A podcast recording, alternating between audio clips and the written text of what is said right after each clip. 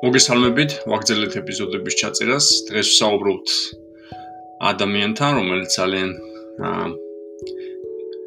ღიად და იუმორისტულ სტილში საუბრობს იმ თემებზე, რომლებიც ჯერ კიდევ აა ტაბუ ტაბუ დადებულია ჩვენ საზოგადოებაში. აა ესე რომ გვისმინეთ, გამოხატეთ თქვენი მოსაზრებები, დაგვიტოვეთ თქვენი კომენტარები. აა დიდი მადლობა ახლა კი სიამონეთ ეპიზოდით.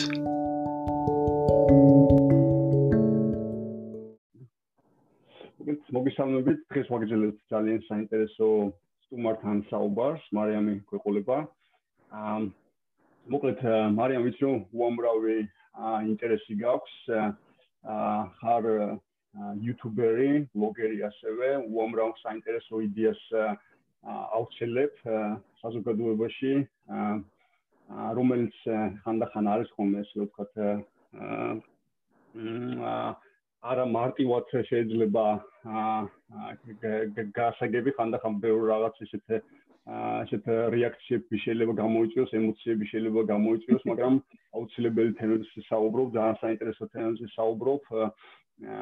ეს არის ის ინფორმაცია, რომელიც ვფიქრობ, რომ ახალგაზრდებს და ალბათ არა მარტო ახალგაზრდებს ნებისმიერ თაობის ადამიანს დაეხმარება რომ უკეთესი არჩევანი გააკეთოს ვიც შენი დამოკიდებულება და მინდა ვისაუბროთ მრავალ თემასთან დაკავშირებით მაგრამ მინდა დავიწყო პირველი თვითონ აა შენთან დაკავშირებით შენთან დაკავშირებით თვითონ რამ ესე რომ ვთქვათ აა ესე იგი რამ იმოქმედა რომ მარიამი როგორ ესეც პიროვნულად ჩამოყალიბებულიყო რა არის შენი ცხოვრების мотивация საიდან იღებ ენერგიას ვის რომ ზმო ესეთი კარგი იუმორის ადამიანი ხარ საიდან მოდის ეს ენერგია? აა სალამი. აა იმედია საინტერესო იქნება ეს ჩვენი საუბარი მაყურებლებისთვის და მაგითხოვზე ესეთ კითხვებს პასუხს გაგცემ რომ sharing is caring აი ეს წინადება იყო რაღაცნაირი პირველად რო წავიკითხე ესე ჯლახვარებით ჩამესო და აღარსა და აღარ წასულა და მაგის შემდეგ გადავწყვიტე რომ ჩემი ცოდნაები ხო, ანუ ეს გაზიარება არის ზრუნვის სახეობა, ზრუნვის სტილი და მაგის შემდეგ გადაწყვიტე რომ მეცადა და ჩემი ცოდნა უნარები და შეიძლება რაღაცა მოპოვებული ინფორმაცია გამეზიარებინა სხვებისთვის, თანაც იქიდან გამომდინარე რომ წერა მაგალითად სულ მიყვარდა, მრავალფეროვანი ინტერესების სფერო მქონდა სულ, ანუ ეს იქნებოდა თქვათ რაღაცა კულინარია, ექსტრემალური სპორტი, თავისმოვლის საშუალებები, ბევრი მიმართულებით სულ რაღაცებს ვქეკავდა. გადაწყვიტე რომ ჯერ თავიდან პოსტები მეწერა, მე უკვე YouTube-ზე გამეზიარებინა ეს ინფორმაცია, იმიტომ რომ ჯერ ეს ერთი დრო ძალიან ესეთი რესურსია, ხო? შეიძლება ყველა ადამიანს არ ქონდეს იმის დრო, რომ 6 საათი იჯდეს და რაღაცა საბუთებში და დოკუმენტებში ონლაინ იქეკოს და ამ დროს შეიძლება რომ რაღაც 15 წუთიან ვიდეოში ისეთნაირად ჩავტიო ეს ინფორმაცია, რომ იმ ადამიანმა მიიღოს ის, რასაც ეძებს, ხო?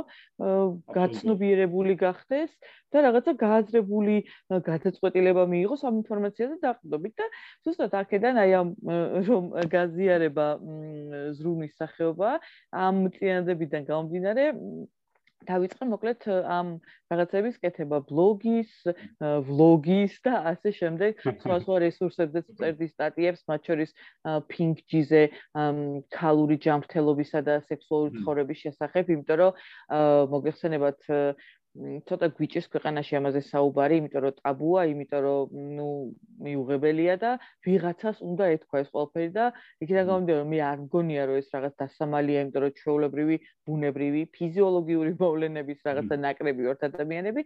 დავიწყე ამაზე წერა მაშინ და ფიქრობდი რომ ეს ქალებისთვის მნიშვნელოვანი იყო, მაგრამ ძალიან ბევრი მამაკაციც დღემდე კითხულობს და ვთქვათ კომენტარებს წერს აი ესეთ თემების ქვეშ და მოკლედ იქიდან აგორდა და აგურდა რომ აი ეს გაზიარება რაღაცნაირი მეგობრობის და სიკეთის ნუ ხო აი რაღაცა სიკეთის ის არის მოკლედ ეს არის მოტო ერთგვარი.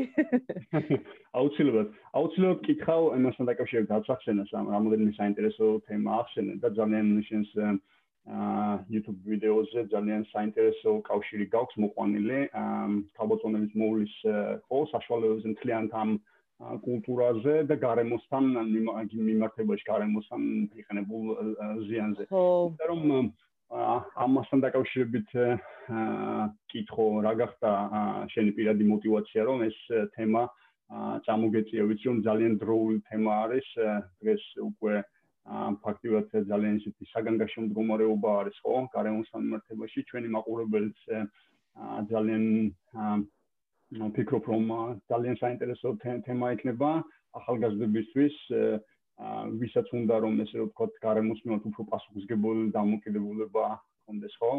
და კარგი იქნება თუ აა გაგვიზიარებ მოკლედ რამდენად ეს არჩევანი რასაც აა შენ ფიქრობ ამ შემთხვევაში ესეთი საინტერესო მოსაზრებები საინტერესო დაუშვათ იგივე პროდუქტი ქალებთან მიმართებაში რამდენად ეხმარება პირველი გარემოს რამდენად ასევე ადამიანების შესაძლებლობებზე არის გათვლილი, ხო, ეკონომიკურადაც ხელმისაწვდომია და ასევე ჯანმრთელობასთან დაკავშირებით, იმიტომ რომ შე შემთხვევაში დაუშვათ ის იაფასიანი პროდუქცია, ასეთი მრავალჯერადი, უბრალოდ ერთჯერადი გამოყენების პროდუქცია შე შემთხვევაში ალკოჰოლურ რისკებთან, ჯანმრთელობის რისკებთან არის დაკავშირებული და და რომ ამასთან დაკავშირებით კითხვა შენი აა აა შენი კონსულტაცია მოკლედ, მას შემდეგ რაც მეცნიერება გვითხრეს და აღმოაჩინე ამას დოკუმენტური მასალა, რომ თუ კიდე 4 გრადუსით დათბება, დათბება დედამიწაზე, დაუყულები ვართ, იმიტომ რომ საერთოდ აღარ დაგვრჩება ყინული და ეს ყველაფერი წყლად იქცევა და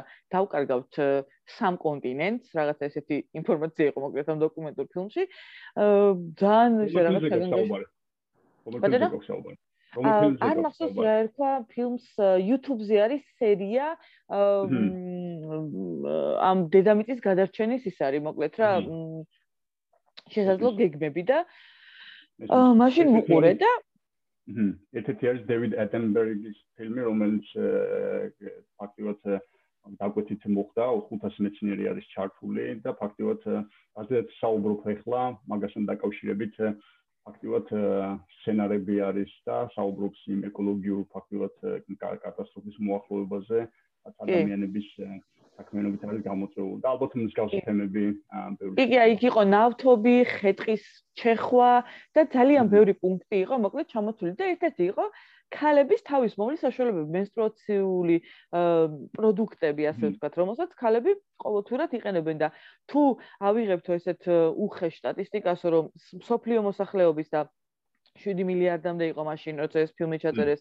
7 მილიარდის ნახევარიო ქალები ნედრობით ისკეთის წარმოადგენლები არიანო ესე იყო რომ who bleeds ესე ესე იყო ნახსენები მოკლედ რა აა შეგვიძლია ვთქვათ რომ ორჯერ უფრო სწრაფად მოხდებაო ეს ყველაფერიო იმიტომ რომ შეუძლებელიაო ხო ანუ ჰიგიენა უკვე ისე დონეზე არის აყვანილი რომ ყველა ადამიანს მოწონს რომ თავს უვლისო.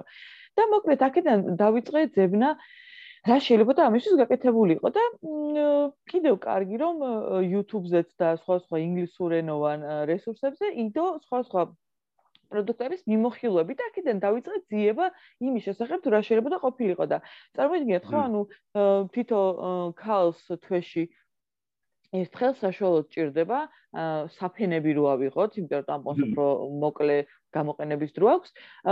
ჭირდება დაახლოებით 14-18 წელი საფენი.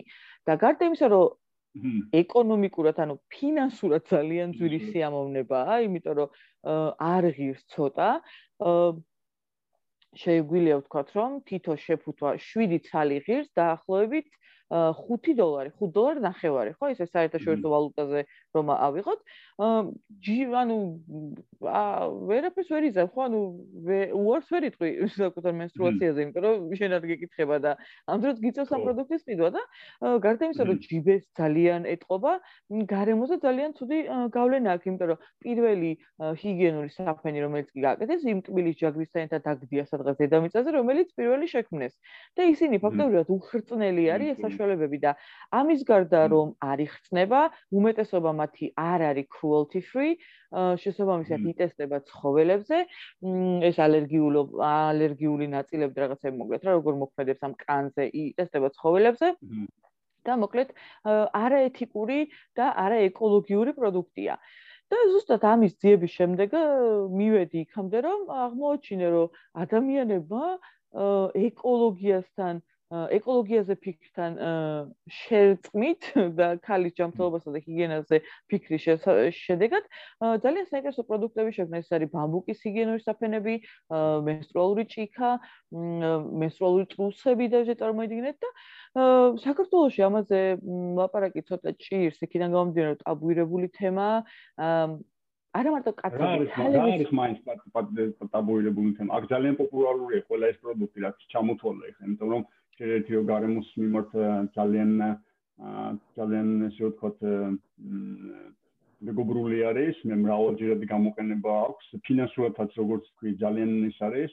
ძალიან მომგებიანი. ხო, ანუ ჯიბეს იმაშება და შემდეგ კიდევ ჯანმრთელობასთან დაკავშირებით. მინდა კითხო, თვითონ რო დაუკავშიროთ ეს თემა რო დაუკავშიროთ თვითონ განათლებას, თვითონ აქ თვითონ ამ ამ ამ მიმართულების ქალების განათლებას იგივე სკოლაში, იგივე არ ვიცი, უნივერსიტეტში, საერთოდ ზოგადად არაფორმალურ განათლებას აა როგორ ფიქრობ, როგორც ქალი არის საკმარისი ინფორმაცია ან საკმარისი ხელმისაწვდომობა დაუშვათ იგივე ადრეულ ასაკში, რომ დაუშვათ იმ გოგონებს, რომლებსაც დაუშვათ ეს ეს ეს ესე ვთქვათ, უნდა გაეცნონ თავიანთ შეეულს და უნდა იცოდნენ რას უნდა ელოდნენ ხო, როდესაც მომწიფების პერიოდი მოუახლოვდებათ რაღაც ისე საშიში მათთვის საშიში და რაღაც ისეთი უცხო.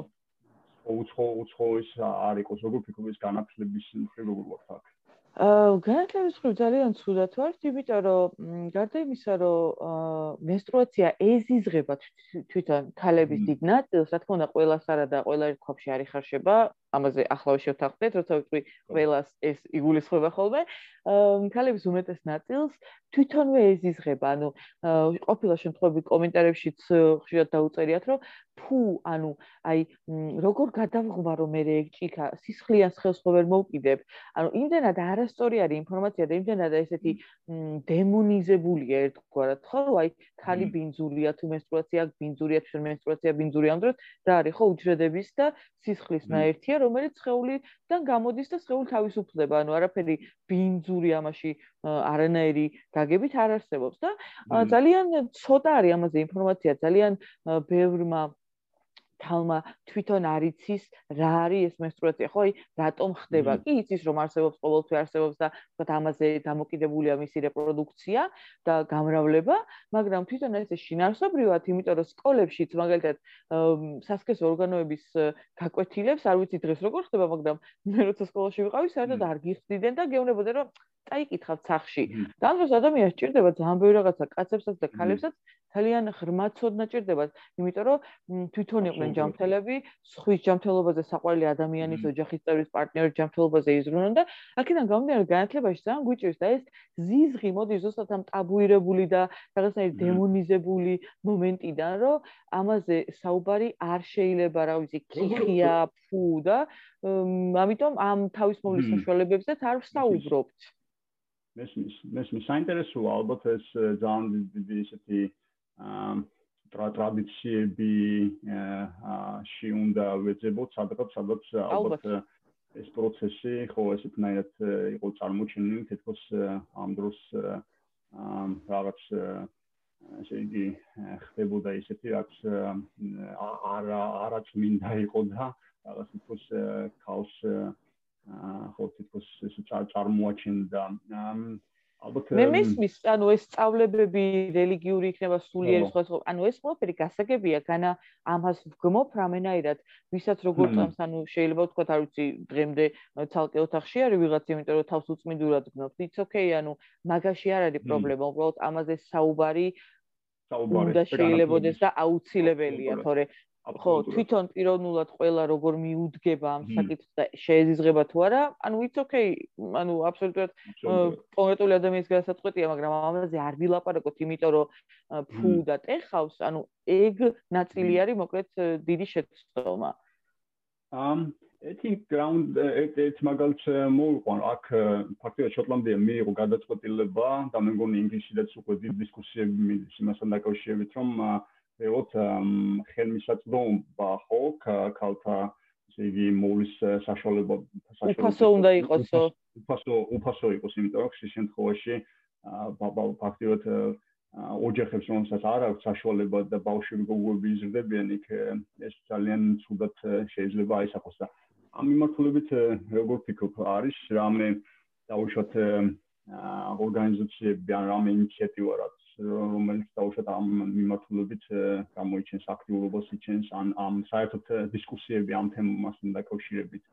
ასევე იმ თემასთან დაკავშირებით, რომ აა ესე იგი ეს განათლება ჩვენ შეგვიძლია ვნახოთ ასევე უარყოფით მე კითხულობდი ერთ-ერთ კვლევას, სადაც ნახეთ, რომ ადრეულ ასაკში აა ბავშვების ან გოგოების დაუშვათ დაფეხმძიმების ეს სტატისტიკა ეს მაჩვენებელი პირდაპირ არის მიბმული იგივე დაუშვათ სექსუალურ განათლებასთან და ასე შემდეგ და ასე შემდეგ.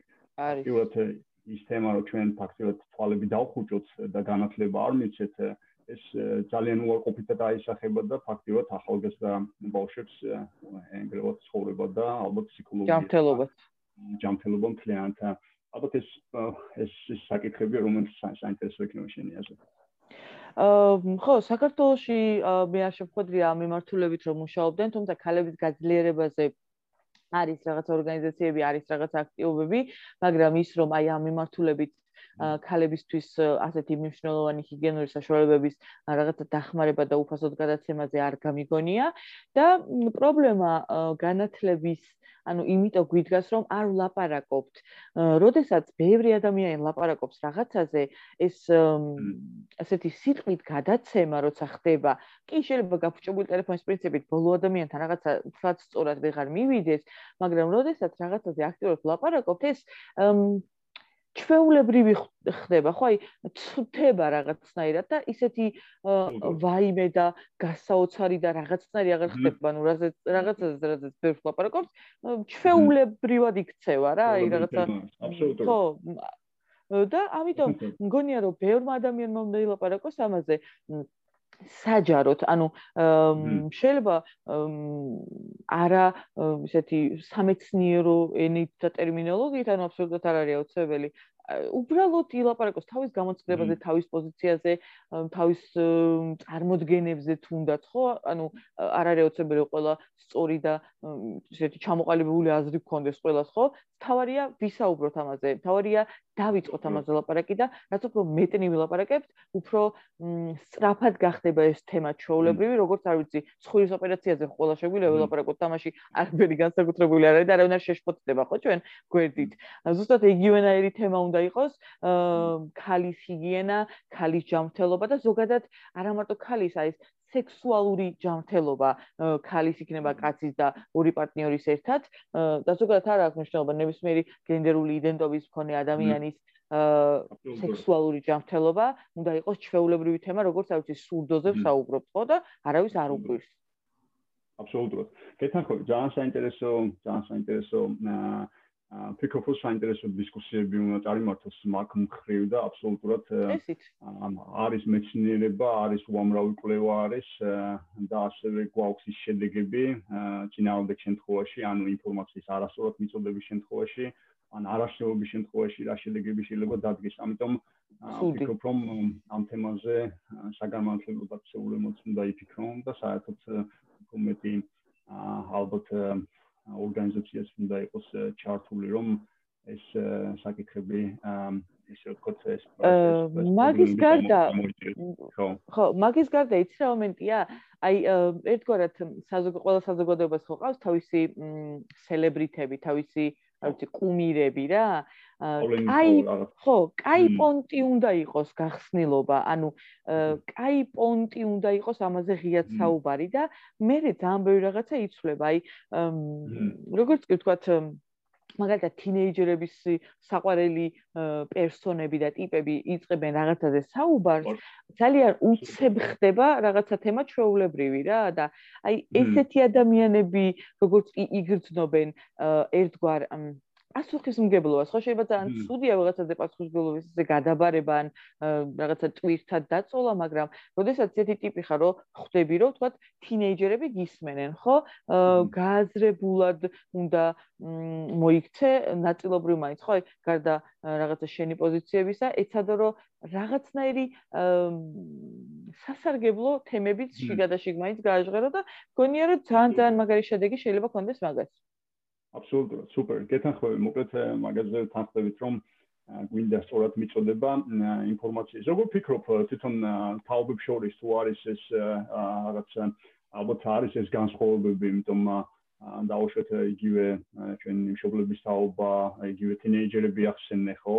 უფრო მეტი ხელმისაწვდომობა აქვს ინფორმაციასთან, დაუშვეთ იგივე YouTube იქნება თუ სხვა დაუშვათ ინტერნეტის წყაროების მიხედვით, მაგრამ მაინც ვფიქრობ, რომ ანუ პროფესიულად ამ ცოდნის მიწოდებას საგამართლო დაწესებულებში იგივე პროფესიონალების მიერ ნუ ეგ ჯობია. დიდი ეფექტი აქვს ვიდრე დაუშვათ თინეიჯერმა მოძებნოს და თვითონ რაღაც ექსპერიმენტები 100% 100% თაუ თაუ თაუ თაუბას ახალ თაუბაში ეს დაუშვათ აა ეს პრობლემა როგორ როგორ სახით ხდება პრობლემაზე. იცი როგორ არის? ან იგივე მოძიება ინფორმაციის მე რასაც უყურებ, დიდი შეხება არ მაქვს, მაგრამ რაღაცა ნაწილს ვუყურებ და მათი მიმღებლობა ბევრად დიდია, მაგრამ ჯერ კიდევ ცოცხლობს მათში ის ჩარჩოები, რომელიც მაგალითად ჩემთაობას აქვს. ანუ მეორე 33 წლის და რო ვუყურებთ 15-16 წლის ტიპს, მისი მიმღებლობა ბევრად ის არის დიდია, ბევრად გახსნილია რაღაცისადმი, ბევრად უფრო სწრაფად იწოვს რაღაცას, მაგრამ მასში ჯერ კიდე არსებობს აი ეს ჩარჩოები და რაღაცა უცნაური რწმენები, რომელიც მაგალითად ჩემთაობას ქონდა რა, რომელიც ჩვენ თავშიც რაღაცნაირად აღმოჩნდა და ეს არ არის კარგი, მაგრამ ნაკლებად სავალალოა უკვე რასაც უყურებ, იმიტომ რომ მათი გახსნილობის ხარჯზე სწრაფად ახდენენ აი გაცხრილვას რა იმ ჩანერგილი ტაბუების და რაღაცა ცოდნების და ამას ძალიან ძალიან დადებითად უყურებ ძალიან კარგია. ძალიან ძალიან მისასალმებელია. რა ვფიქრობ დაუშვათ იგივე ქალაქში მცხოვრებ ახალგაზრდებზე და რაიონებში, სოფლებში მცხოვრებ ახალგაზრდებზე, იმიტომ ალბათ იქ უფრო ნაკლები არის ინფორმაციის ალბათ გავრცელების. აი, ის როგორ არის ინტერნეტი დღეს, მაგრამ მაინც რას ფიქრობ თუ ვერ ვერ განვასხვავებდი, იმიტომ რომ მე მინახავს ქალაქში დაბადებული და გაზრდილი ახალგაზრდაც, ჩემი თაობის და ჩემი თაობის ქვევითაც და რაიონში იქ სკოლა დამთავრებული და იქ მცხოვრები ადამიანს, რომელიც აქ თბილისში ვინც იყო ძალიან მოჩარჩოებული და საერთოდ ნულოვანი მიმღებლობით იყო და ის ადამიანი რომელიც რეგიონში იყო, მაგრამ გახსნილი იყო და თუნდაც ინტერნეტიდან მიღებული ინფორმაციისადმი ბევრად უფრო მაღალი მიმღებლობით და უფრო დიდი ინტერესით გამორჩეოდა, უფრო გონება გახსნილი, უფრო ისეთი მსუბუქი და საინტერესო მოაზროვნე და პოზიციის მქონე აღმოჩენილ, ამიტომ მე ვერ განვასხვავებ ამას ლოკაციის მიხედვით, ეს უფრო არის შინაგანი გახსნილობა და ანალიზის უნარზე დამოკიდებული. აქედან გამომდინარე, არ არის მიბმული ლოკაციაზე, ეს ალბათ უფრო რესურსებზე და რამდენად ისეთი წნეხის ქვეშ ვართ გარემ, ანუ გარემოს შედეგზე არის დამოკიდებული ჩემი აზრით. ნებისმიერ თემაზე ეგრეა ზოგადად საქართველოში, ანუ არ აქვს მნიშვნელობა მესროლ მესროლ პროდუქტებზე ისაუბრებ თუ რაღაც ისეთზე ხო მაგალითად cruelty free პროდუქტი რო იყოს რომელიც იდეაში რავი რაღაცა ერთგვარი ჰუმანურობიდან გამომდინარე ალბათ ყველა ადამიანისთვის მისაღები უნდა იყოს ხო? და მაინც მაინც არსებობს ამაზეც კი ის, რომ ადამიანს ადამიანის გახსნილობის მიხედვით აქვს რეაქცია, რომ ოჰ, კაი, ხა და მეორე გისმენს, ანუ შეიძლება პოზიცია არ აქვს თქვა ადამიანს რაღაცაზე, მაგრამ ანუ ეს ხელს კი არ აგიკრავს, გისმენს, აინტერესებს, ხო შეიძლება მე არაფერი არ გითხრას, მაგრამ წავიდეს რაღაცა მოიძიოს, რაღაცა თავისთვის დაიწყოს ამაზე ინფორმაციის მოძიება, დასწავლა. ანუ ეგ არის ძალიან მნიშვნელოვანი და არა ის, რომ თქვათ სად ვართ, როგორ ვართ და რა ხდება რა გახსნილობაზე გადის ჩემი აზრით ყველაფერი. მესმის აბსოლუტურად. კეთახმები რომ ინფორმაცია ერთია და ალბათ ვიყოთ გახსნილები ვის ვისაუბროთ ამ თემაზე და არ ქონდეს რაღაც ნაკლებად ტაბუირებული თემები ქონდეს ალბათ საზოგადოებაში ხო რომ ადამიანებს იგივე შეეძლოთ გაუზიარონ ერთმანეთს, თავშე მეგობრებმა ერთმანეთს გაუზიარონ, ალბათ ერთმანეთს. ხომ შვიდად და აიმიტომ ეს ფაქტიურად დიდი დიდი ფაქტიურად ამბობი არის ყველა იმ ადამიანის ცხოვრებაში ხო და ეს ალბათ კომფორტსაც მისცემს და ტრენასაც მისცემს თავისი შეულთან დაკავშირებით ასევე არემოსთან დაკავშირებით და უფრო პასუხისმგებლობაც ალბათ გაზრდილი იქნება. მოდი გადავიდეთ შემდეგ თემაზე, რაც ვიცი რომ შენ ამ ბევრ ექსპერიმენტებს აკეთებ კულინარიული მიმართულებით ფაქტობრივად ვისაუბრეთ ჩვენ გარემოსთან დაკავშირებით აა გარემოს გარე გარემოსთან დაკავშირებით ადამიანის საქმიანობის გავლენას და ერთ-ერთი ყველაზე დიდი მიმართულება არის ჯგუფისთვისაც საინტერესო იქნება. აა კვების ინდუსტრია. კვების ინდუსტრია. და ეხლა თან ვკითხულობდი რომ ფაქტობრივად ეს გაზების ხო სასათბურე გაზების ასოციაცია ხენ გამო სა იქ ფაქტობრივად 20 სადღაც 30%-ამდე მოდის კვების ინდუსტრიაზე, ანუ ის არჩევანი რასაც ვაკეთებ. კი, CO და მეთანი, ხო, ძირითადად. CO და CO და მეთანი, კი ბატონო. ვიცი, საინტერესო აა საინტერესო სანამ მივალთ მანამდე, როგორი იყო შენი გზა, როგორ მიხვედი თვითონ ამ აღმოჩენებამდე დაუშვათ რომ შენ რაღაც ვიცი რომ ვეგეტარიანული დიეტა გაქვს და რა რა გზა გაიარა საინტერესო იქნება შენი გამოცდილება აა ხო მოდი აქვე გეტყვი არ ვარ სულად გადასული ასე ვთქვათ ვეგეტარიანული ცხოვრების წესზე იმიტომ რომ ჯერ კიდევ პროცესში ვარ, ვთქვათ, რა ვიცი, მაგალითად მაქვს ტყავის ფეხსაცმელი მეორადი, მაგრამ მაქვს. ყველა ყველა ყველას გვაქვს, ყველას გვაქვს, მე ნაკიბი მაქვს უკვე 10 წელიწადია ეს ფეშა ფეხსაცმელი უბრალოდ ვერ გადავაგდებ, ვერ ვერ იმასვით.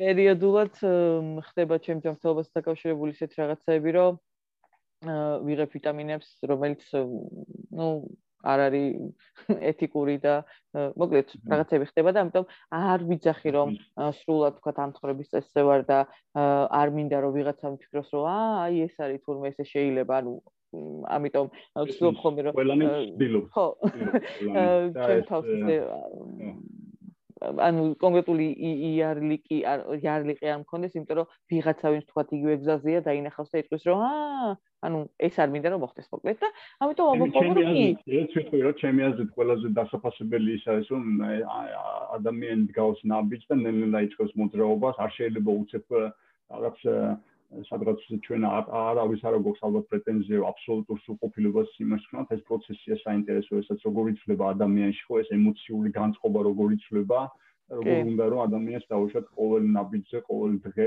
გაუნჯო გაუნჯობოს ეს თავის ცხოვრებაში და უფრო მეტად ისე თქვა ჰუმანური იყოს გარემოს მიმართ პასუხისგებლიანი და ასე შემდეგ და ასე შემდეგ. მოკლედ ეს მინდოდა მეთქვა რომ შენ შემთხვევაში ძალიან დიდი ეს არის საქმე საინტერესო საინტერესო ხო, ანუ თან იმიტომ არ მინდა ეს თქვა ხოლმე რომ ჩემს ცხოვრების წესში არის გამონაკლისები, არის გადაცემები, არის საჭიროებები და მაგალითად ადამიანები რომლებიც შეიძლება ეხა იწყებდნენ და ყოველს ხო მაგალითი გჭირდება, ანუ ვიღაცას ვუყურებ და ვაკვირდებით და აი რომ შეხედავს თქვა ჩემ ცხოვრების წესს და იტყვის რომ აა აი თურმე აფერისტული, ანუ არ მინდა რომ ადამიანმა ჩემზე დაკვირვებით რაღაცით მოკლედ გამოიტანოს ცდარი აზრი ნებისმიერ ცხოვრების წესზე და ამიტომ არ ვიძახი ხოლმე რომ აი მე ეს ვარ ან ასე ვიქცევი.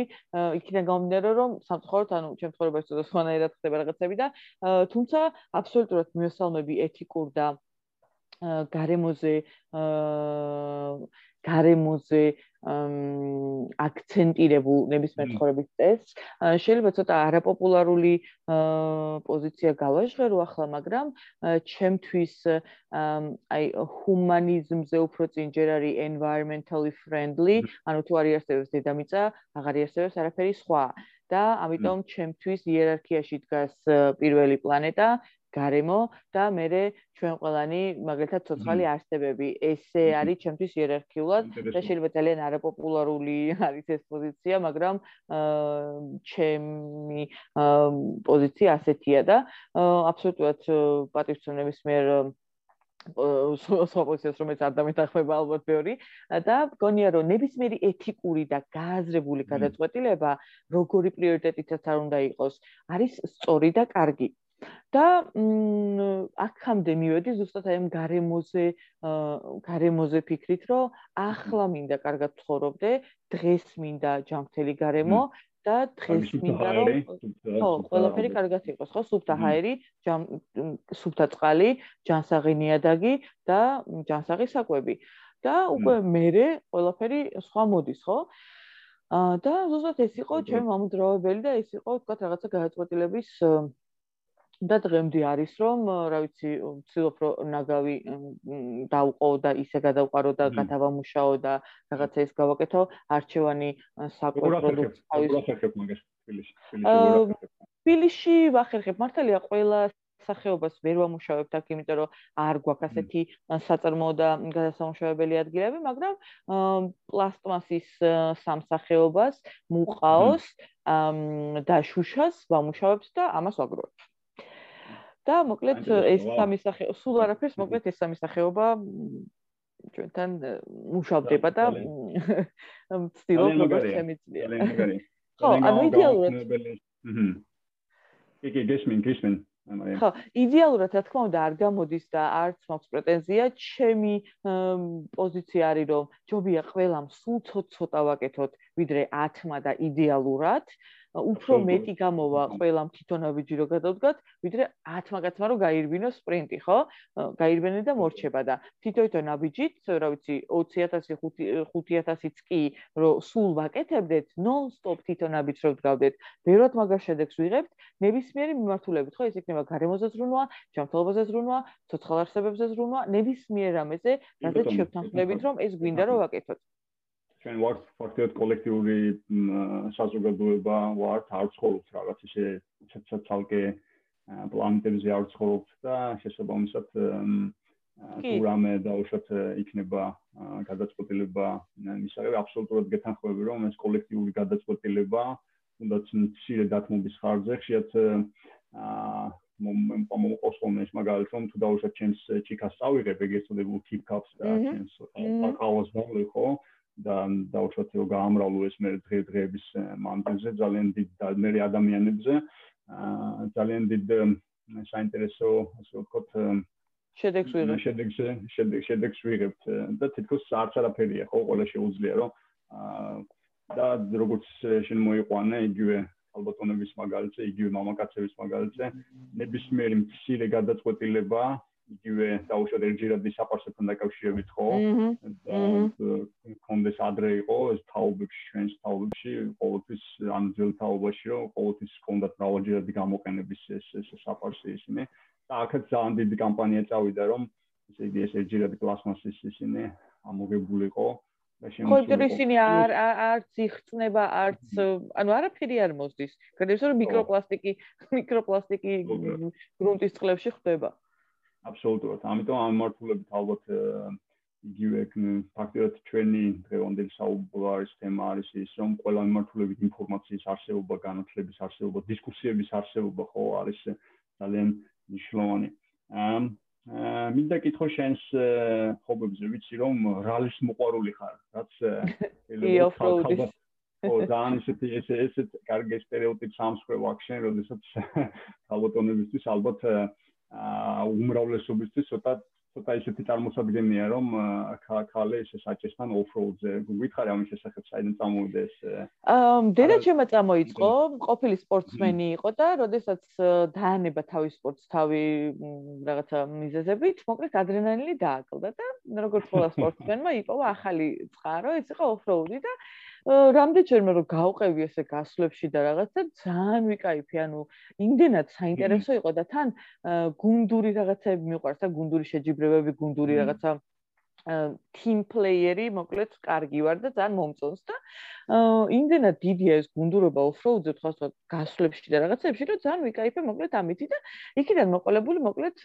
დავიწყეთ off-road-ზე სიარული და მე და დედაჩემი ესე თქვა ერთი ეკიპაჟი ვართ ის არის პილოტი მე ვარ კოპილოტი იგივე штурмანი და რა ვიცი ძალიან ბევრ საინტერესო თავგადასავალში ყოფილვართ ექსპედიციები, შეჯიბრები თურქეთში, საქართველოში, ეხლა ჩარშან ვიყავით საქართველოში cross country rally-ზე, პირველი ადგილი ავიღეთ ფოტოშორის ქალების კატეგორიაში. და მადლობა და ძალიან უკვე კი დღემდე არის სტერეოტიპი რა, ისე რომ გამოგხედავე რომ ქალის საჭესთან ეხა რა უნდა ქნა, აი რაღაცა ესე და ნუ რა თქმა უნდა, რა უნდა ქნა და აგერ აგერ რაც ქენით და სუპერ. მაგარია. ძალიან ბევრი ახალგაზრდა გოგონას აძლევ ახლა იმას აქვია ძალიან დიდ სტიმულს რო პირდაპირ ესე იგი დაიწყოს ესა და იმედია მალე ეს ელექტრომანქანები ესე იგი უფრო გარი. ხო, არ არის, ეგ უნდა მეთქვა, არ არის თქვა ეკო მეგობრული სპორტი, როგორც ესეთი. აა მაგრამ თუნდაც ის რომ ნაგავს კვებთ ტყეში და უკან მოგვაქვს ქალაქში. ანუ ეგეც არ არის საუკეთესო ვარიანტი ხა ნაგვის ყუთში ოყრი მაგრამ ტყეში ყოფნას ჯობია ისე ხო ნაგვის ყუთამდე ჩამოგვაქვს მაგალითად რაც ხდება ხოლმე ნარჩენები ტყეში და რაღაც ესეთი და აა თადეკო მეგობრული არ არის მაგრამ მგონია რომ რაღაცა პლუსები ყველაფერს აქვს და ვთქვათ რაღაცა დათმობები ყველგან შეიძლება თავარი ეს გააზრებული იყოს და თანაც ხო მოკლედ ეს ავტოსპორტი მაგალითად იმისა რომ ქალების ეკიპაჟი ვართ შაშან უკვე ცხალი ხელით ვიყავი წარმოდგენილი. რალიზე და მაგალითად მინდა მინდა კითხო ძალიან ბევრ რაღაცას აახერხებდა ფაქტიურად ახტაცების და ერთი მხრივ და მეორე მხრივ ის რომ როგორ მიუხედავად იმისა რომ ეს პერიოდი ვიცი ხა ეს პერიოდი მინდა რომ კითხო ალბათ მაგასთან დაკავშირებითაც რამდენად შეიცვალა შეცვალა დაუშვათ შენი ცხოვრება. ვიცი რომ ყველაფერს ძალიან რო უყურებდი შენს ერთ-ერთ ვიდეოს იქ ამბობდი და ძალიან ისეთი იუმორისტულად რომ ესე იგი დაფა დაცურავს როდესაც როდესაც მას როგორ როგორ ესეთი იუმორისტული მაშინ მინდა კითხო რამდენად აუშვათ შეცვალა შენ დამოკიდებულება აუშვათ ამ ამ ამ ამ მდგომარეობამ. და მე ალბათ კიდევ ისე მინდა კითხო რომ თვითონ საზოგადოების დამოკიდებულება რამდენად უნდა ვისწავლოთ და უშუალოდ ვისწავლოთ ესე რომ ვთქვათ ადამიანებისგან რომლებსაც სხვანაირად აღიქოვენ და უშუალოდ გარემოს სხვა და უშუალოდ ესე რომ ვთქვათ დახმარება სჭირდებათ, სხვა ინფრასტრუქტურა სჭირდებათ ასე შემდეგ და ასე შემდეგ. ეს არის ალბათ ერთ-ერთი თემა, რომელიც მინდა რომ აა შენთან ესე ძალიან ესე ღიად ვისაუბროთ. კი ბატონო, ვისაუბროთ, მე მხოლოდ მომხრე ვარ, იმიტომ რომ დავიწყე საზოგადოების დამოკიდებულებიდან. ჯერ ყველაზე უცნაური, ანუ სიმსივნური დიაგნოზი მქონდა, ვინც არის ის და მაგის გამო მარცხენა ხელის აი ამპუტაცია მომიწია და გონი გონი მიკროფონი. არა უშავს მე დავბრუნდებით ხო. ხო. ის რომ საზოგადოების ხარ ძალიან უცნაური განწყობა იყო რომ აი არ თქვა რომ სიმსივნე გაქვს და მაგაზე ხა ისე ლაპარაკობ ანუ მე გონი ის ხო დაავადება რომელიც ჩაოლებებთან შენ ზე არ არის დამოკიდებული რომ გემართება? ის კი ტაბუირებულია. ნუ ეს მარია მე მგონი ისო გაიქიშა. მე მგონი მიკროფონი არ უჩი რაღაც ხო ზარი შემ უკაცრავად ვერაფერს არ მასკერი და ხო, ამპუტაციის შემდეგ რაღაცები გართულდა. ყოველთვის ქონდა წარმოდგენა, რომ ვთქვათ, სპეციალური საჭიროებების მქონე ადამიანებისთვის, შეზღუდული შეზღუდვის მქონე პირებისთვის, როგორც ამას ვეძახით, ყოველთვის იყო რაღაცა სირთულეები და მათთვის რაღაცები სხვანაირად ხდებოდა. ამაზე სულ მქონდა აა რამდენად რთული იყო ეს ვერაზოს ეწარმომერგინა, სამ საკუთარ თავზე არ გამოცდი, შეუძლებელია ამისი ესე ზუსტად მიხვედრა და ჩემთვის ძალიან დიდი შოკი იყო, რომ რავი, ბევრად უფრო არაადაპტირებული და აა ცუდი გარემო გვაქვს, ვიდრე ეს უბრალოდ აქამდე ჩანდა და აქამდე წარმომედგინა. და კი ყოველდღიურობაშიც რაღაცეების ახლებურად გაკეთება მიწევს, რაღაცეების ახლებურად მოფიქრება და ხრიკების მოფიქრება მიწევს, თუნდაც იმაზე, რომ ზედარ გადმოვისხა მთელი ქვაბი სუკი, როდესაც ვურევდა ეს ქვაბი დასრიალებს მთელ გაზზე და არ მივიღო დამწრობა და ესეთი ბევრი რაღაცეებია. როგორ უნდა დაჭრა ბულგარული, რომელიც ძალიან ძნელი დასაჭრელობათ ერთხელ მაინც ვინმეს თუ დაუჭრა ბულგარული ტიტაკა, მიხვდება რომ ძალიან მოხერხებელია, მოკლედ მისი დაჭრა ორი ხელით და ძალი ხელით კიდევ უფრო და მოკლედ ესეთი რაღაცაების მიმართ მიწევს ესეთი მოსახერხებელი ვერსიების და რაღაცა აღმოჩენების გაკეთება და აა გარემო იმ იმდენად არ ადაპტირებულია რომ ვერც კი ვიძახი რა აკლია იმიტომ რომ აკლია ყველაფერი. ანუ საერთოდ ყველაფერი აკლია ჩვენთან გარემოს იმისთვის რომ ადაპტირებული იყოს და კომფორტული იყოს სპეციალური საჭიროების მქონე ადამიანებისთვის. აა ანუ ეს არ არის შეზღუდული შესაძლებლობა ანუ მე ყველაფერს კეთება შემიძლია უბრალოდ სხვანაირად ვაკეთებ ამას განსხვავებულად ვაკეთებ რა და აი ეს სპეციფიკა მოკლედ არაფერში არ არის. მაგასაც თავი დავანებოთ აქამდე ვიცოდი მაგალითად ჩემი ცაცია მეგობრისგან რომ მარცხენა ხელით ვინც ოპერირებს უმეტესწილად. ძალიან ბევრი რაღაცა ძალიან მოუხერხებელია. და ახლა მივხვდი რას გულისხმობდა რომ მაგალითად ცალი ხელით შეუძლებელია გახსნა კონსერვი. აი გამოიყენო ესეთი სატრიალებელიანი კონსერვის სახსნელები რო არა, მაგალითად ანანასის კონსერვს ვერაფრით ვერ გახსნი, იმიტომ რომ ვერ გახსნი. ვილიამ მემორჯუნეებს.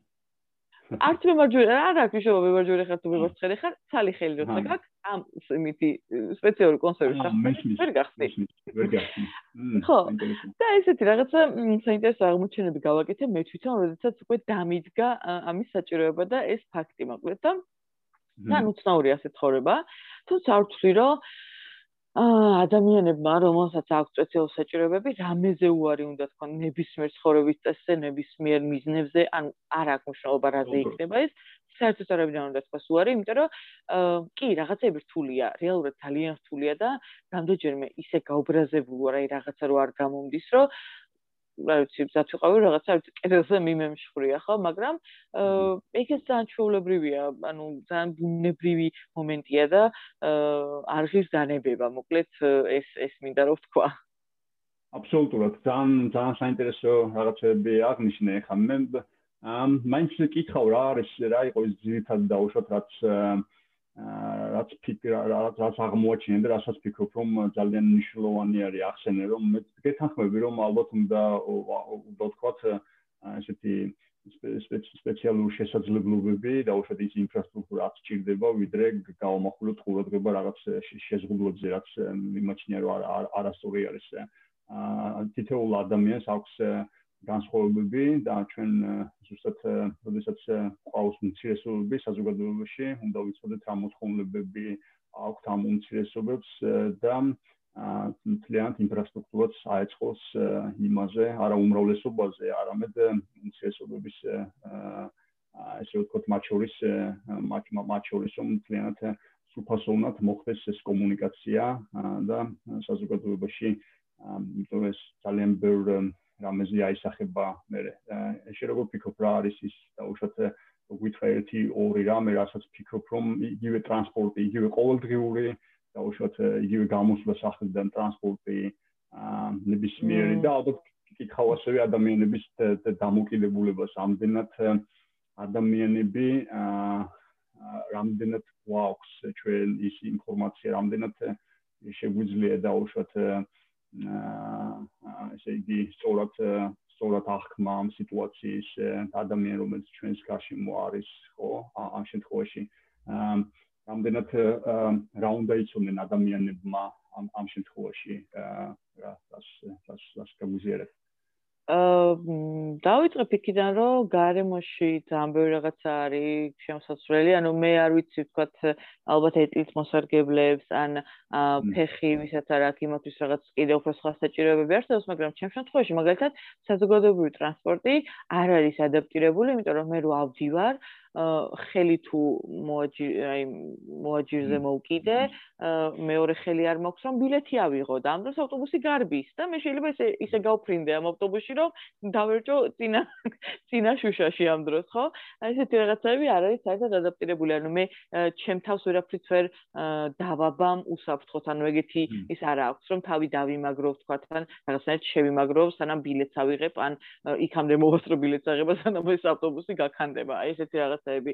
მაგალითად ძალიან მოხერხებელია ესეთი ბალკ რაღაცეების ყიდვა რა, როდესაც თქვა ჩემი ჩანთამი მაქვს და მინდა რომ რაღაც ჩავიყარო, ან ბოსტნეული ჩავიყარო, ესე ვეძებ ხოლმე რომ აი სად ჩამოვდო, ან რანაირად დავამაგრო ეს ჩემი ჩანთა რომ ავიღო და ჩავიყარო ხო რაღაცა, იმიტომ რომ ორი ხელი ოცა გაქვს, ერთ ხელში გიჭირავს, მეორე ხელი ტყრი.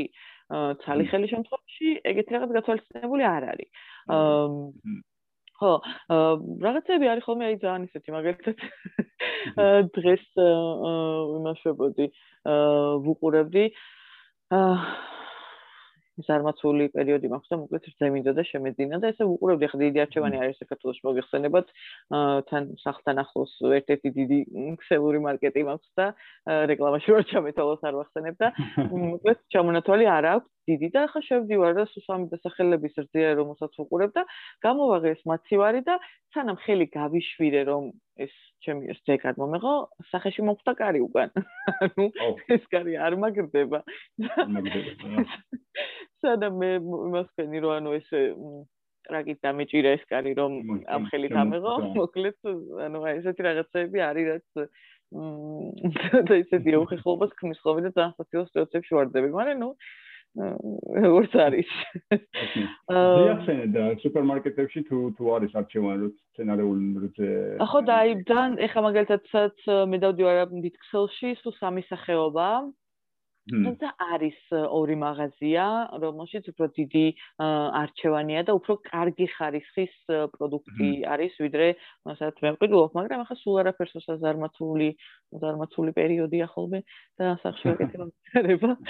რახან ძეზე ჩამოვარდა საუბარი უნდა კითხო ერთ-ერთი რაც საინტერესო ის არის რეცეპტი გაზიარებული ქონდა, იყო არა არა ყველის ისა, გითხარება ორი სიტყვით რა არის. ხო, მივხვდით იმისა, რომ მე რძის პროდუქტებს მოვიხმარ, როგორც გითხარით, მაინც მაქვს ის რომ მაგალითად საწარმო ანუ ეს რძის ფარმინგ რასაც ქვია ძალიან ცუდია, არაეთიკურია, არაეკოლოგიურია და მაგის გარდა მაგალითად დასტრესილი ძროხის რძეში მისი ჰორმონები და რაღაცა მოკლედ ზუსტად ეხა შეიძლება ვწდები არასოდეს ეხა მაგრამ ცუდი რაღაცები მიყვება მოკლედ რა. და არ არ მინდა ამის მიღება ხოლმე და ანტიბიოტიკები რომელსაც რომელსაც ყოველთვის უკეთებენ რომ და თუ ზუსტად არ ვიცი რომ ეს რძის პროდუქტი, რა ვიცი, ესე, ანუ მასლა სოფელში რო სამი ძროხა ყავდა, რო ულიან და ეფერებიან, ასე გაზრდილი არ არის. ვცდილობ ხოლმე რომ, ნუ, მეტნაკლებად ყოველთვის არა, მაგრამ უარი ვთქვა. ხო და ეს არაყველიც ჩემი ექსპერიმენტების სერიის ნაწილია, რომელიც ძალიან მინდა რომ არსებობდეს ყველი, რომელიც არ არის ყველი, უბრალოდ ხო უბრალოდ გაიშალა მინდა ხო მინდა რომ არსებობდეს ყველი რომელსაც სახში ნებისმიერი გააკეთებს ოღონდ ისე რომ არ გამოიყენოს მაგალითად აი ამ ანტიბიოტიკებიან და მეტაკლებად არა კარგ ცხოველურ პროდუქტს ხო და ზუსტად ამიტომ დავიწყე სცენარულ გულისხმობ. სცენარულ სცენარული ესე ვთქვი ხო. ხო ანუ მითან მინდა რომ ეს სცენარული რძეც არ არსებობდეს თქვა აი რაღაცა ისეთი მარტივი პროდუქტებისგან იყოს რომელსაც არ ჭირდება. აი წახვალ იყიდი ყველაფერს შეაქუჩებ ჩაყრი ბლენდერში და გამოვა რა და აი რაღაცა ისეთი ხელმისაწვდომი იმიტომ რომ მაგალითად სცენარული რძე საქართველოში საკმაოდ ძვირი ღირს. ანუ ესე რომ იყიდო რა იაფი არ არის. შეიძლება ძალიან მარტივად ვაკეთებ ვიკეთებთ ხოლმე აქ, როდესაც დავუშვათ ფანტელებს, შურის ფანტელებს ყრით ხოლმე, დავუშვათ ერთ ჩიქას ავიღეთ, მე სამ ჩიქას ყავს დავასხავთ და ძალიან მარტივად გამოდიან. კი, შეკეთება, ოღონდ აი იცი როგორ მინდა და რომ რაღაცა ესეთი ჩალიჩი არ დაჭirdეს ინგრედიენტებს. ეგეთი იდეა მქონდა მოკლედ რა და დავიწყე დავიწყე მარაყველის ექსპერიმენტის კეთება და თანაც ძალიან ბევრი რეცეპტი მაქვს თვითონ ანახი თხილისგან, ქეშიუსგან როცა კეთდება, მაგრამ ქეშიუც ისეთი ფასია საქართველოში, რომ მაგას სულ სცენარეული ძე იყიდო 3-5 ჯობია რა. თან გარემოს მიმართაც არ აქვს ისეთი ის არის.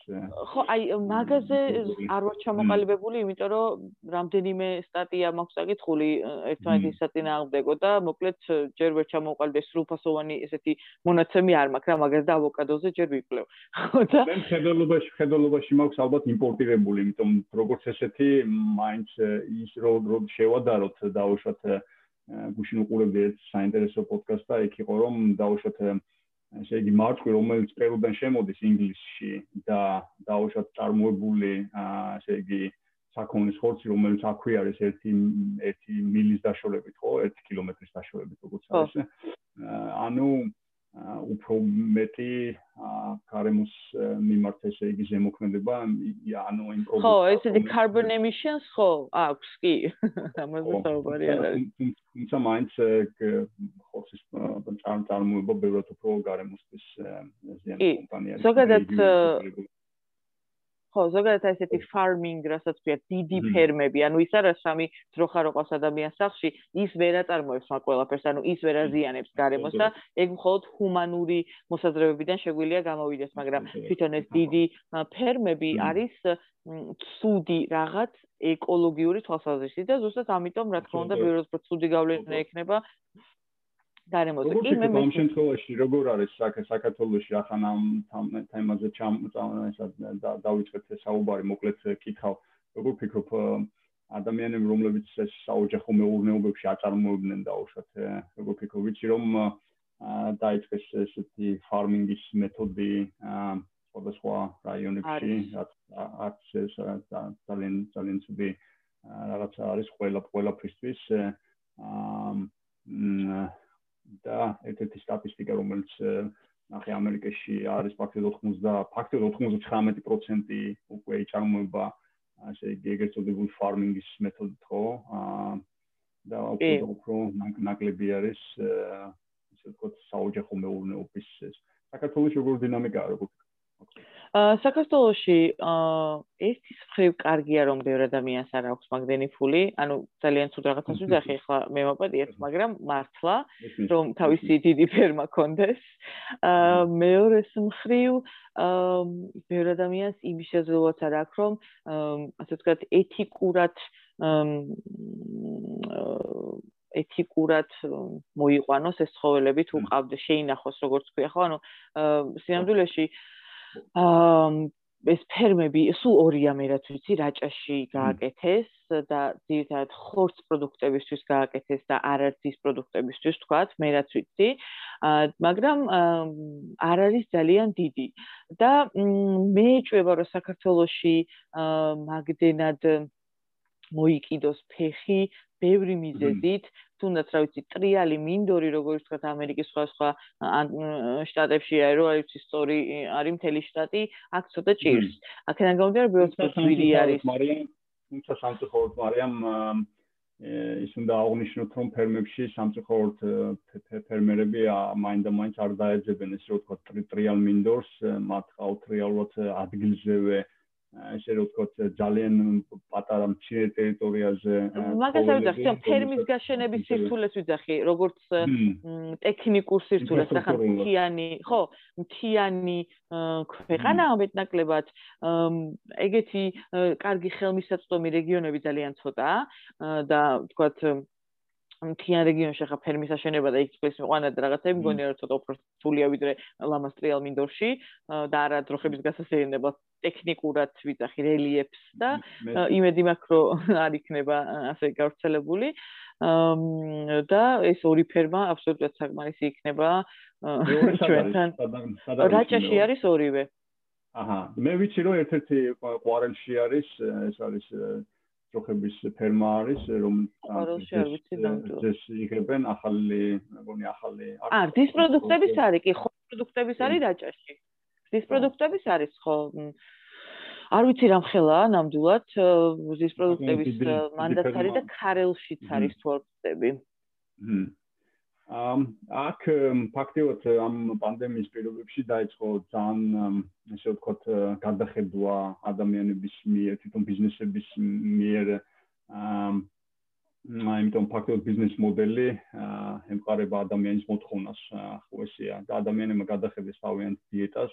ფაქტიურად 40%-მდე ადამიანი უკვე ამბობს რომ მან თავის დიეტა უნდა შეცვალოს. ეს ეხება უშუალოდ იგივე ესე იგი წარმოებულ პროდუქციას ანუ ესე იგი ცხოველისგან წარმოებულ მიღებულ პროდუქციას ხო?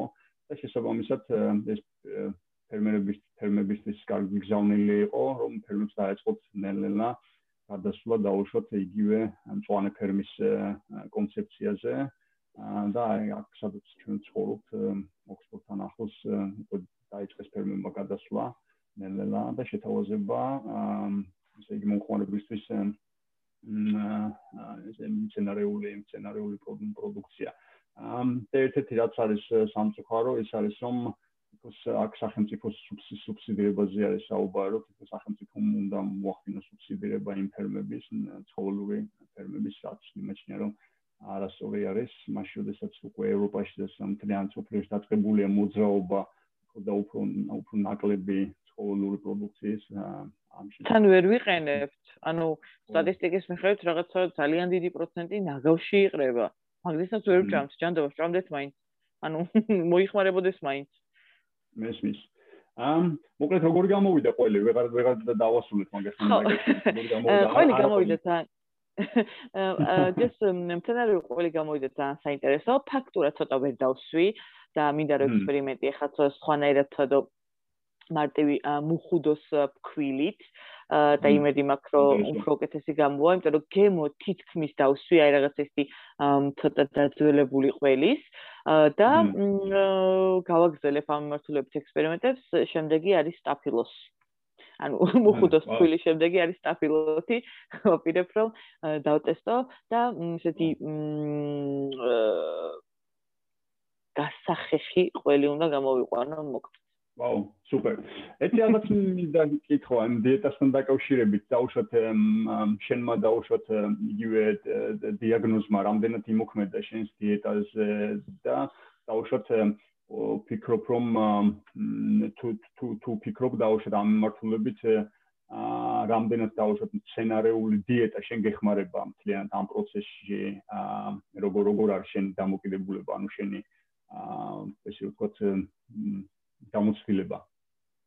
აა ჯამში მეხმარება, მაგალითად, წინა ქიმიისას, როდესაც კლინიკაში ქიმიოთერაპიისას კლინიკაში ვიყავ მთლიანად და იქ სპეციალური, მოკლედ ქიმიოთერაპია სჭირდება სპეციალური კვება რა, რაღაცა ცალკე ისინია რა, იქ შაქრები არ შეიძლება, საფუარები, რაღაცა ისეთი მოკლედ სპეციფიკა აქვს და იქ იყო მომენტი, რომ რასაც მოგიტანენ, უნდა ჭამო და I'm okay with that, იმიტომ რომ მგონია, რომ ისევ და ისევ ჯანმრთელობაა პირველი, ანუ მე თუ არ ვიქნები, ვერაფერზე ვერ ვიზრუნებ. და ამიტომ იქ რაც იყო პირდაპირ მივირთვამ მქონდა ყველანაირი პრეტენზიების და ვაფშე ყველაფერი ყველანაირი კითხვების გარეშე. თუმცა მგონია რომ ეხა ჩაოლებრივად ეხლა შემდეგი ქიმია მიწევს კიდევ და ბევრად უფრო მსუბუქად და კარგად ვძნობ თავს აა როდესაც ესეთ აი ნაკლებად დამუშავებულ ხო ესეთი პროცეს რაღაცია ხო არა პროცესი და ისეთ პროდუქტზე უფრო კარგად ვძნობ თავს უფრო მსუბუქად ვძნობ თავს. აა ბევრად აი არ ვიცი შეიძლება რომ ალბათ ყველა მიცის ხო რაღაცნაირი ისეთი ჰაეროვანი რომ ხარ არ ვიცი რაღაცა ეგეთი ის არის და ხო თუმცა ამ ქიმიაზეც ალბათ იქნება რაღაცა გამონაკლისები და რაღაცა კონკრეტული კვება იმიტომ რომ მაგალითად აკრძალებია ხოლმე წამალთან მაგალითად ციტრუსები საერთოდ არ შეიძლება ციტრუსების ჭამა ქიმიოთერაპიისას და იყო ჩემთვის შოკი და აი არსებობს რაღაცა ეს უცნაური გამონაკლისები და რაღაცა ამის ამაზე მორგება მიწევდა. თუმცა ისევ და ისევ ძირითადად გონია რომ რაც უფრო სუბუქად ვიკვებებით და რაც უფრო გააზრებულად ვიკვებებით და რაც უფრო ალბათ მცენარეულად უფრო მცენარეული მცენარეული ერთია, მაგრამ იმას ვიძახი რომ მაგალითად დის პროდუქტების კი რომელსაც მე მივირთვამ აა ჩემთვის რაღაცა სპეციფიკური უნდა იყოს რა. ნიშნულოვანია ჩემთვის რომ გააზრებულები ვიყოთ და მე პირადად გააზრებული ვიყო ჩემ გადაწყვეტილებებში და მოქმედებებში და ამის შესაბამისად მე ვიყო გადაწყვეტილება.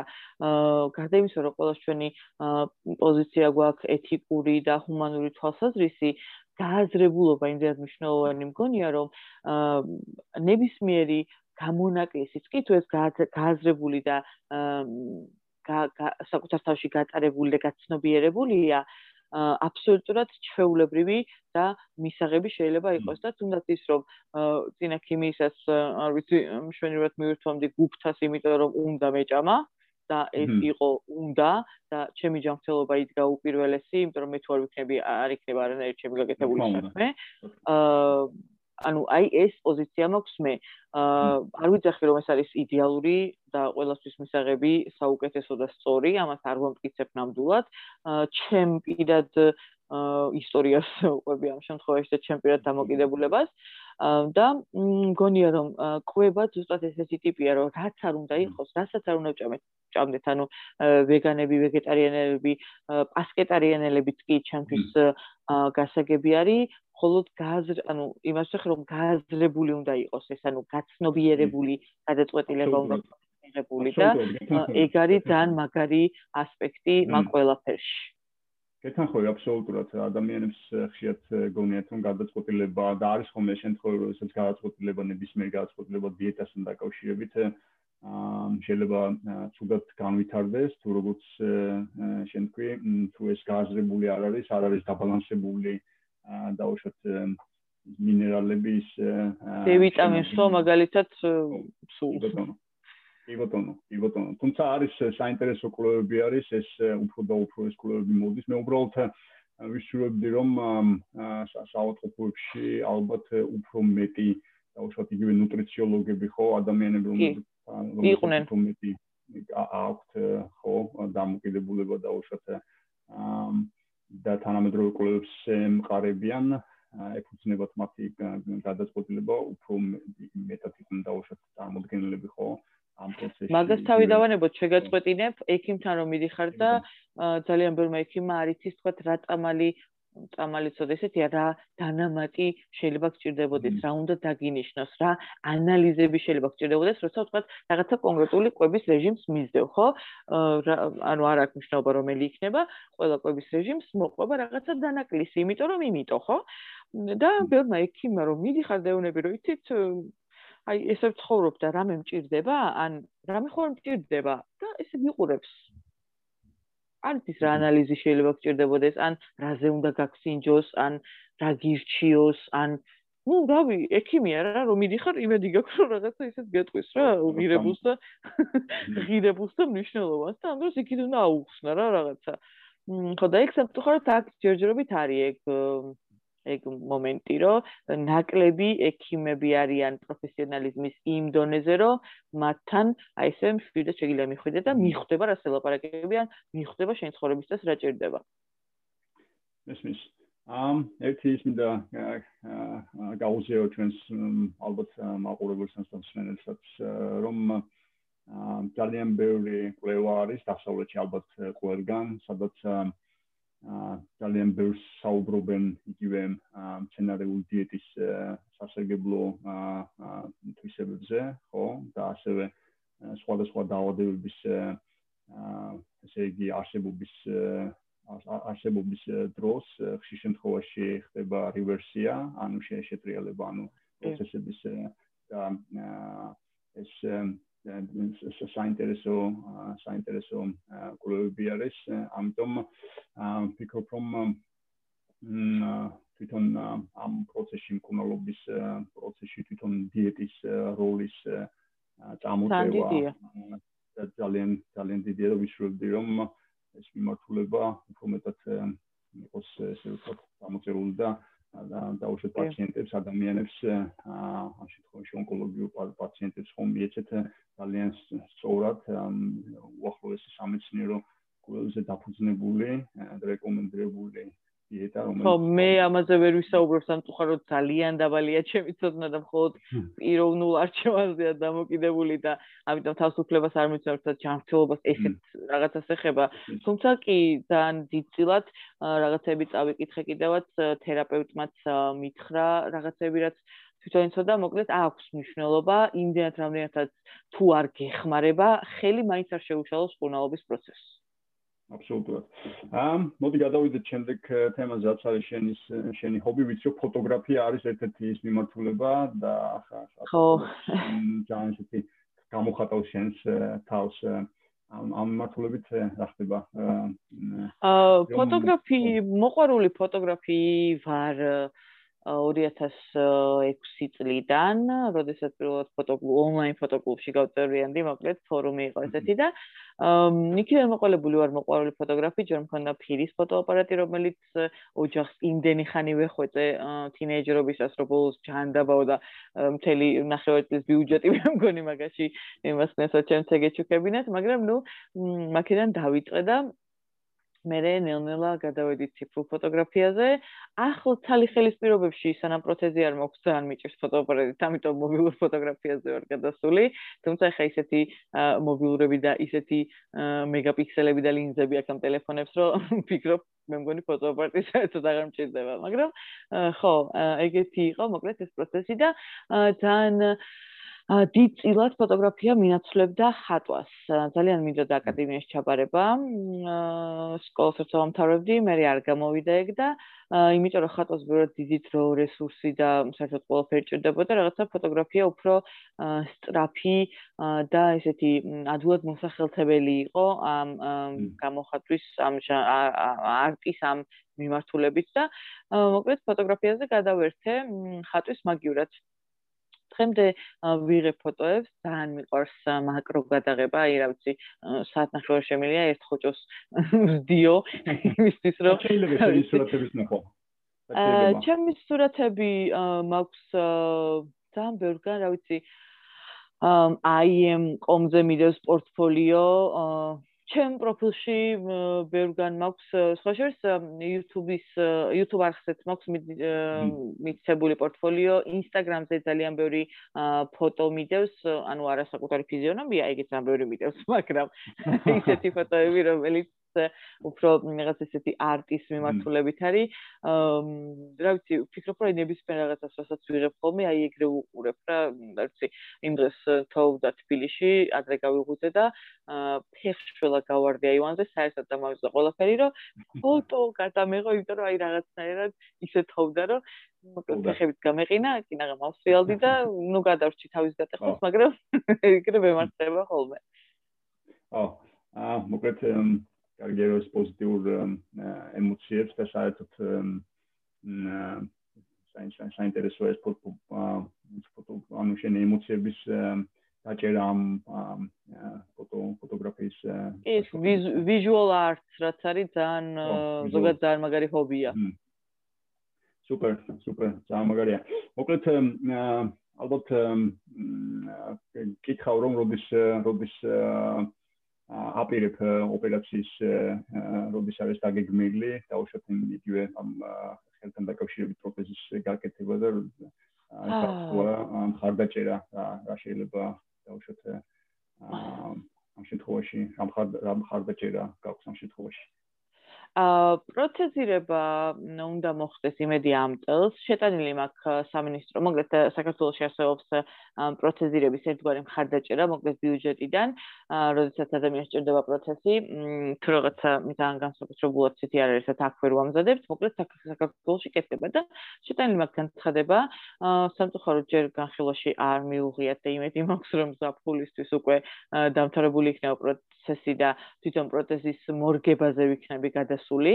მ საკმაოდ ისეთი უცნაური პროცესია, იმიტომ რომ ეს ტაკვი რომელიც მაგ დარჩენილი ხო საკმაოდ მოკლე არის და მოკლედ არ ვიცი მე თვითონაც რანერი შეგზნება და ახლდე უნდა შევეჩვი ალბათ მარცხენა ხელის ქონას და ჯერჯერობით ეს იქნება ესეთი ჩვეულებრივი პროცესი ამასაც არ აქვს რაღაც განსაკუთრებული მექანიკური ფუნქციები, ანუ გაშლა მოხრა ესეთი არაფერი, იმიტომ რომ აქ საქართველოსში არ გვაქვს მაგის რესურსი, ეგ კიდე ერთი ძალიან სამწუხარო რამეა, რომ პროთეზირების ლეველი თვითონ აი ეს რა შეგვიძლია გავაკეთოთ ტექნიკურად საქართველოსში არის ძალიან დაბალი და მაგალითად მინიმუმ თურქეთში უნდა გადაფრინდეს ადამიანი რომ რაღაცნაირად ესეთი მექანიკური ან ელექტრო ან რაღაცა მოკლედ ფუნქციონალური პროტეზი შეიძინოს რაც იქ არ ფინანსდება და საკაიფო თანხებთან არის დაკავშირებული რა, მაგრამ ნუ ეხა ეს ჯერ პირველი პროცესია, რომელიც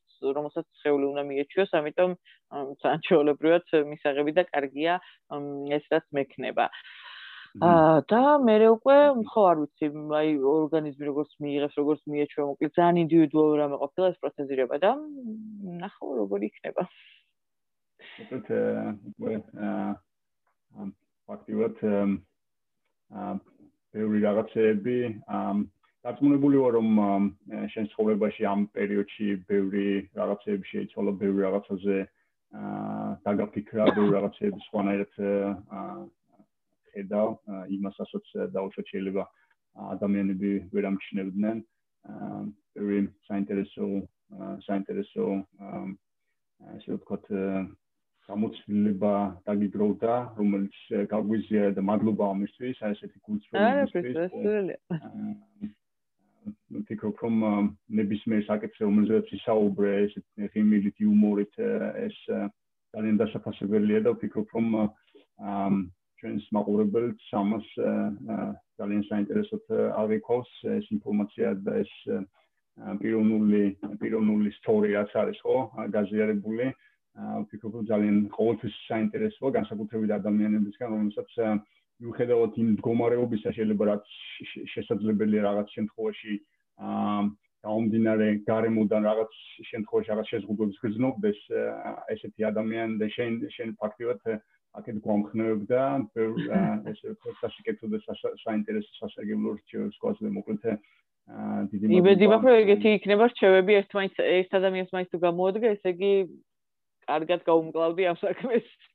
აუცილებლად. მე ბევრი რაღაცა ვისწავლე, შენი სპოტაში YouTube YouTube-ის მიდან სერიებიდან და ეს არა ყოველის იმასაც მოუსინჯავ, აუცილებლად და გაგიზიარ ჩვენს ძალიან აზარტული რეცეპტია, ძალიან. აჩე ეხება რალისთან დაკავშირებით იმედია რომ ელექტრონული იმით მალე მალე საქართველოსში მოგვიწერს იმედია. აა და შეგვიძლია რომ ასევე მწვანე სიმსერთან დაკავშირებით აა მინდა კითხვა ალბათ ბოლო რამდენად გაქვს საშუალება დაუშვათ მწვანე სიმსერებში იგივე გასეირნების თბილისში რამდენად არის ამის შესაძლებლობა თბილისში ძალიან ხო თბილისში ძალიან რთულია სამწუხაროდ დიდი ესეთი ცოტა მასშტაბური სკვერები გვაქვს სულ სამი პრინციპში არა ოთხი. აა და ძალიან ძალიან ჭირს უბნებში პატარა მწვანე ესეთი ოაზისების შენარჩუნება და გადარჩენა. ფაქტობრივად ძალიან ცოტა არის დარჩენილი. და ძალიან ძნელია ისე ისეთ ისეთ ნაირას მოხდი ამ წვანე სივრცეში, რომ შეძლო განტვირთვა, ის სადაც მანქანები ზუზუნი იქნება ნაკლებად, ან იმდენად იქნება ესეთი შემოსაზღვრული ამ სიმწვანით, რომ არ შეგაწუხოს, რაც სხვა შორის საქართველოში დაანცუდათ არის ერთ ადამიანზე კვადრატული მეტრი აი ამ სიმწვანის პროპორცია. აა თბილისში განსაკუთრებით ყველაზე სავალალოა მდგომარეობა, თბილისს და რუსთავში ვარ ვწები. აა და ძალიან თუდათ აისახება მენტალურ მდგომარეობაზე, იმიტომ რომ ამ პანდემიის პერიოდში ძალიან ბევრი ადამიანი მიხვდა და ახლებურად დაინახა ამ მწვანესიფცების მნიშვნელობა, როდესაც არც სადაც შეგვეძლო გასვლა, როდესაც რაღაცა, არ ვიცი, მე შეზღუდვების პიკი იყო, მარტო სკვერები და პარკები იყო დარჩენილი, სადაც შეიძლება რაღაცნაირი სიმშვიდის და ბედნიერების პოვნა და ძალიან ბევრმა ადამიანმა გადააფასა რამდენად მნიშვნელოვანია რომ სახთან ახლოს კონდეს ანუ ვარკეთილიდან რომ არ უწევდეს ვაკის პარკში მისვლა ადამიანს რომ ხელა გზა არის ამ ხელა ტრაფიკია ანუ ნახევარი ქალაქი უნდა გადაკვეთა და ბევრმა ადამიანმა ეს გაიაზრა რომ სახთან ახლოს და უბნებში ძალიან მნიშვნელოვანი ესეთი პატარა კუნძულების და ოაზისების დატოვება და მე გაგანდობთ ჩემ გეგმას რომელიც თქვა საიდუმლოდ სულ მალე გეგმა მოკლედ თბილისიდან ესე ვთქვათ გაქცევას. ვაუ, სუპერ. მაგის კითხვა მინდა და ალბათ ქალაქ გარეთ საცხოვრებლად. ვაუ, ვაუ, მოკლედ გილოცავ ეს ძალიან ძალიან კარგი გადაწყვეტილება არის ჩემი აზრით და გამოხატავს იმ განწყობას.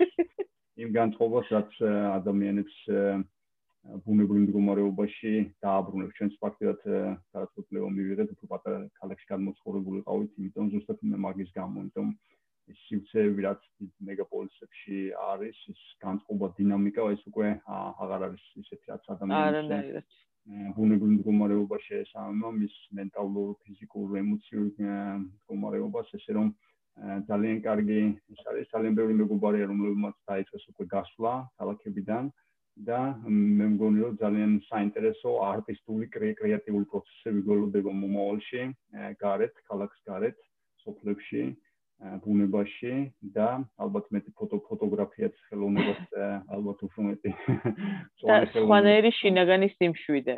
ანუ ყველაზე მეტად რაც გვაკლია ქალაქში მცხოვრებლებს არის შინაგანი სიმშვიდე. აბსოლუტურად. აი მოკლედ დიდი მადლობა რომ რო გამონახე ამ ამ პერიოდში. მადლობა ამ საინტერესო დიალოგისთვის. აგვიზიარე, ესეთი საინტერესო საინტერესო გამოცდილება. თუ რამე გინდა აა თუ რამე გინდა რომ დავუშვათ აა პოლო აა ესე ვთქვათ გამოცდილება შენი სიტყვები ან მოწოდება გამოცდილება არ ვიცი. აა ეს დავამატებდი რამოდენიმე რამოდენიმე ჩემი მოტო ხო გაგიზიარეთ. მაგითი დავიწყე და კიდე ერთი მაგ ძალიან მიყვარს არ მახსოვს მგონი განდის ეკუთვნის ეს სიტყვები თუმცა თავს ვერ შეიძლება ვწდებოდე. უბრალოდ ძალიან კარგად ჟღერს რომ იყავი ის ცვლილება რომელიც გინდა რომ გარშემო დაინახო რა. და მგონია რომ ძალიან ძალიან მაგარი მოწოდება იმიტომ რომ ბევრი და ცოტა-ცოტა უფრო მეც მივახსევთ, ანუ ცოტა-ცოტა პატარ-პატარა ნაბიჯებით და გააზრებული მოქმედებებით, ვიდრე ვთქვათ ხუთმა რო ვაკეთოთ და იდეალურად. ასე რომ მოკლედ ძალიან მომწონს ეს ძალიან კარგი სულ მახსენდება ხოლმე რა, რომ აი შენ იყავი პირველი ის ვინც იქნება ის ცვლილება რომელიც გინდა რომ მოხდეს და მგონია რომ ძალიან მაგრად ასახავს ბევრ ამას. და ესულება ხშირ შემთხვევაში იწყება ხოლმე საკუთარი თავიდან, ყოველთვის ადვილი არის და ადვილი არის ყოველთვის ყოველთვის ხო გააცნობიერო ადამიანმა დაიწყოს საკუთარი თავის სულებით, რაც გადამდები იქნება გარემოს და სხვა ადამიანების მიმართაც. მოკლედ სვენელს დავამშვიდობებით ახლა მარიამ დიდი მადლობა. მადლობა თქვენს და საინტერესო გულწრფელი საუბრისთვის. მინდა წარმატებები გისურვოთ და იმედია რომ აა როგორც შენ როგორი შენ გაქვს ხო დაუშვათ ეს მოლოდინები აა დაუშვათ შენს მომავალთან დაკავშირებით გვინდა რომ ეს მოლოდინები ასე ვთქვათ ნახოთ და ასე ნახოთ მომავალში შენი დაუშვათ გადასვლა ქალაქარეთ ძალიან საინტერესო იქნება და აუცილებლად შემოგიხმიანებით მინდა რომ ასე წარმატებები გისრო მაგ მიმართულებით. დიდი მადლობა. იმედი მაქვს რომ ეს მალე იქნება ყველაფერი. სუპერ. ძალიან დიდი მადლობა ამ დიალოგისთვის, ძალიან სასიამოვნო იყო და იმედი მაქვს რომ სპენელს გაინტერესებს და ესე ჩავითრევთ მოკლედ ამის მოსმენაში. სუპერ, აბა დაგემშვიდობებით ბედნიერად. დიდი მადლობა.